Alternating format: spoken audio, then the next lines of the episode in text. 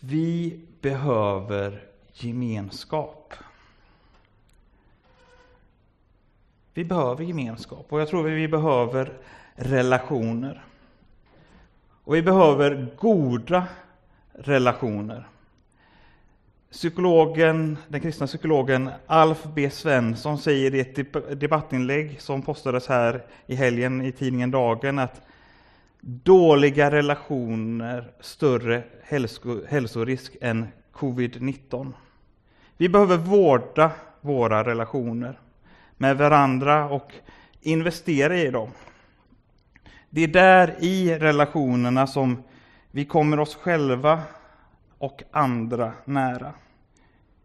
Du och jag, vi skapades till gemenskap och en relation med Gud och med varandra. Gud sa i skapelsen att det inte är bra för mannen att vara ensam. Och det är också i relationerna, i de eh, förtroliga mötena med människor, eh, med andra, i samtalsformen, som vi kanske allra bäst kan få vara till välsignelse. Ett ljus och ett salt, en Kristusdoft. Det är där, tror jag, som vi kanske kan få presentera Jesus på bästa sätt. Och jag tänkte idag återkomma till ett bibelsammanhang som jag delvis var inne och nosade på för några veckor sedan i en predikan som heter Säg mig allt om Jesus.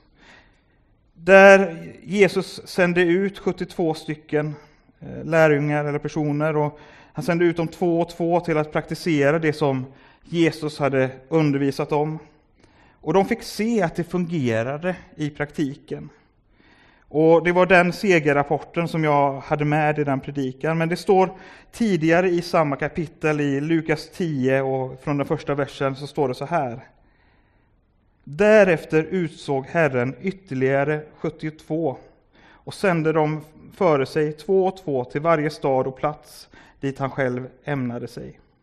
Han sa till dem, skörden är stor men arbetarna få. Be därför skördens Herre att han sänder ut arbetare till sin skörd.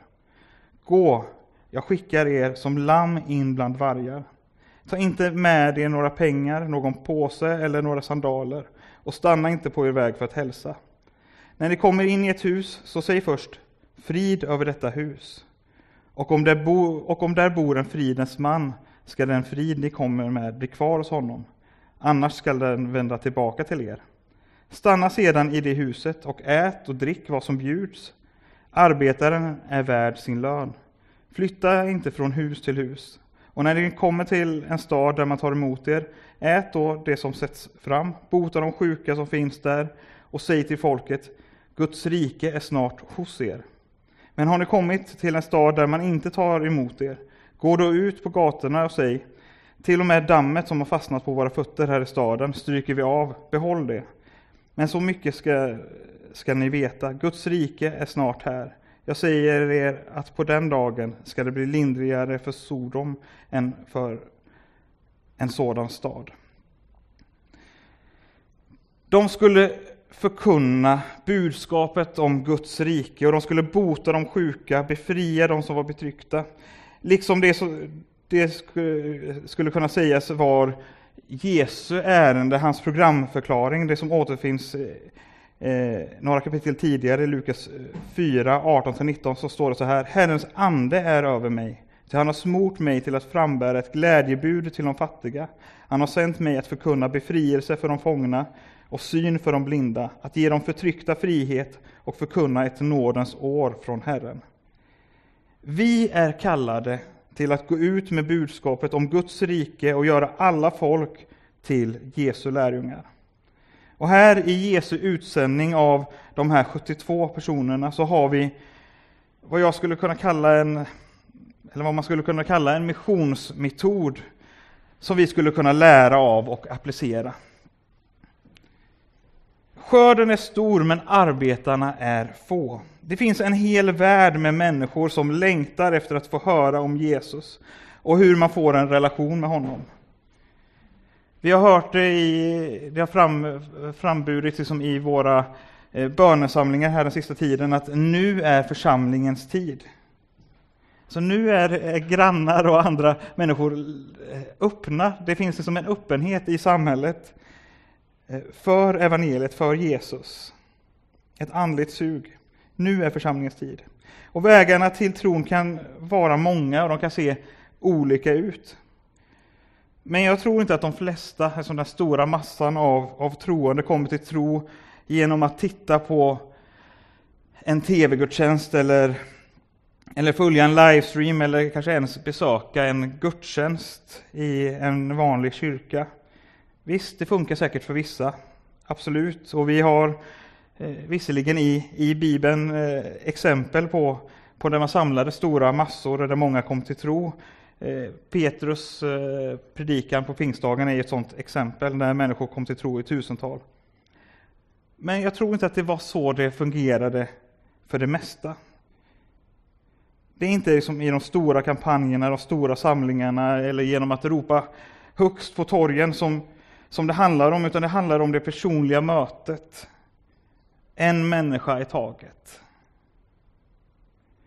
Det var så Jesus också i mångt och mycket gjorde. Visst, han samlade också skaror, men han byggde också nära relationer med människor, med sina lärjungar, men han gick även till bords med de som ingen ville ha att göra med, med syndarna, med de marginaliserade, de som var utanför. De höll han måltid tillsammans med. Skörden den är stor, och till det så behövs det arbetare. Det behövs människor som inte stannar vid eller nöjer sig med att basunera ut ett budskap på ett torg eller på ett Facebookinlägg, utan som är beredda till att bli medvandrare, att ta ett ansvar som andliga fäder och mödrar till ett liv i Jesu efterföljd, till lärjungaskap. Att kanske faktiskt följa med den där människan du fick vägleda till tro. Ge de där första stegen. När förgrundsgestalten för den svenska pingsrörelsen eh, Levi Petrus mot slutet av sitt liv håller sin sista predikan på Nyhemsveckan 1974 så var rubriken, eller och det han talade om, just att vinna en och en. Där du och jag, inte den eller den predikanten eller det kristna proffset, gudsmannen eller gudskvinnan, utan där varje troende är den där personen som får berätta om Jesus för dem som vi möter, de vi har en relation till familjemedlem, granne, arbetskamrat. Du och jag kan vara den där personen. Jesus han sa också gå, jag skickar er som lamm in bland vargar. Jesus han uppmanar oss till att gå. Att följa Jesus och att gå ut med budskapet, det har också ett pris. Alla blir kanske inte jublande glada som vi möter när vi går ut. Men jag tror att det är många som blir det. Jag tror att det är församlingens tid. Jesus han sände ut de här 72, två och två. Tanken var inte att, att gå, gå nu och så får du klara dig själv, utan att vi också i uppdraget kan få stöd av varandra, att vi kan hjälpas åt. Här har vi församlingen, den lokala gemenskapen, eh, av troende, där har vi en, en, en, plats och betydelse och vi har ett ansvar för varandra. Inte att vi ska lägga ok på varandra eller lägga liksom att vi tvingar varandra att ja, du borde göra mer eller gör detta.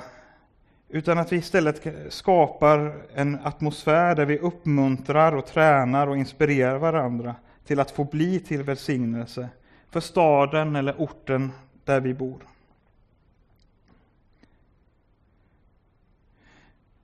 Sedan så säger Jesus också att vi inte ska liksom ta med oss eh, några pengar eh, och så vidare. Det är som inget, eh, inget i, väskan och sådär.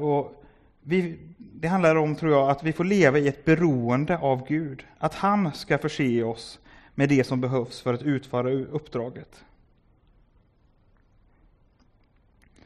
Frid över detta hus, säger han också. I vilket ärende, i vilken anda är det som vi går fram? Vi kommer med frid, vi förmedlar och önskar Guds frid till den, till den vi kommer till. Guds frid, Guds fred, ordning, harmoni. kommer med frid? Vad är det för ärende vi kommer med? Och hur tas det emot? Jesus talar om, är det som en, en fridens man där som, som tar emot dig? Är det öppet för evangelium? Jag tror att vi kan känna det här ganska direkt och påtagligt. Hur är känslan? Hur luktar det i atmosfären när du kommer? Är du välkommen? Jag läste i en bok nyligen eh, av, en som heter Charles Kridiotis. Och han ger en liten definition av vad en fridens människa är. Han säger att en fridens människa är en person som är öppen för evangeliet och villig att introducera andra till evangeliet. Fridens människa är en person som är öppen för evangeliet och villig att introducera andra till evangeliet. Om vi ska ta något exempel på en fridens människa i Bibeln så tänker jag exempelvis på kvinnan vid brunnen, vid Sykars brunn som Jesus träffade. Hon var öppen för det som Jesus delade med henne. Och hon blev sedan den första evangelisten då hon spred och delade med sig om Jesus för, till andra. En annan jag tänker på som är en sån här nyckelperson, det var fångvaktaren som Paulus och Silas träffade i Apostlagärningarna 16. Där den här fångvaktaren och hela hans hus kom till tro på Jesus och blev döpta. Det var liksom en som var öppen för evangeliet men som där spred sig vidare till många fler. Tänker även på den etiopiska hovmannen som Filippos fick träffa i Apostlagärningarna 8. Hovmannen som var på resa bjöd in Filippos till sin vagn och han tog emot Jesus och blev döpt omgående. Och sedan så sägs det att den här hovmannen var den som också spred evangeliet vidare till Etiopien, till Afrika. Så varje människa är ju egentligen eller är viktig. Varje människa är viktig.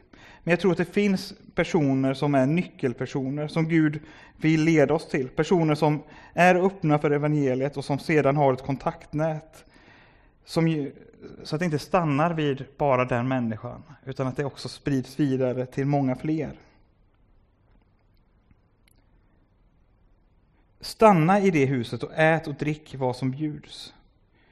Relationer och förtroende, det, det tar tid att bygga upp.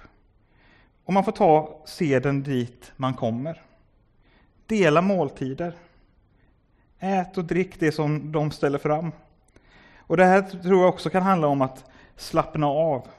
Att sänka garden lite. Det är inte att vi ska komma hem till någon och komma in i någons liv och predika som någon, eh, ja, någon stor predikant, utan var dig själv. Var naturlig, slappna av. I det här normala, vanliga, vardagliga samtalet så kan du få presentera Jesus. Och jag tror det som att det är mycket som blir trevligare över en bit mat. Det står också om att bota de sjuka och säga att Guds rike är snart här. Jesus han säger i Markus evangeliet att tecken ska följa de som tror. Vi har fått auktoritet att i Jesu namn betjäna människor, att manifestera Guds rike, att bota de sjuka. Och det här gör vi inte i vår egen kraft, utan vi gör det i kraften av den heliga Ande. Och det är snart pingst. Och Jesus säger i Apostlagärningarna 1 och 8, men ni ska få kraft när den heliga Anden kommer över er, och ni ska vittna om mig i Jerusalem och i hela Judeen och Samarien, och ända till jordens yttersta gräns. När Guds rike manifesteras genom helanden så öppnas möjligheten Eh, och människors hjärtan för att ta emot och höra evangeliet. Jag tror att det kan vara en, en, en nyckel, en dörröppnare. Att de får se liksom att det här faktiskt fungerar. Hur gjorde du det där? Eller hur visste du om det där?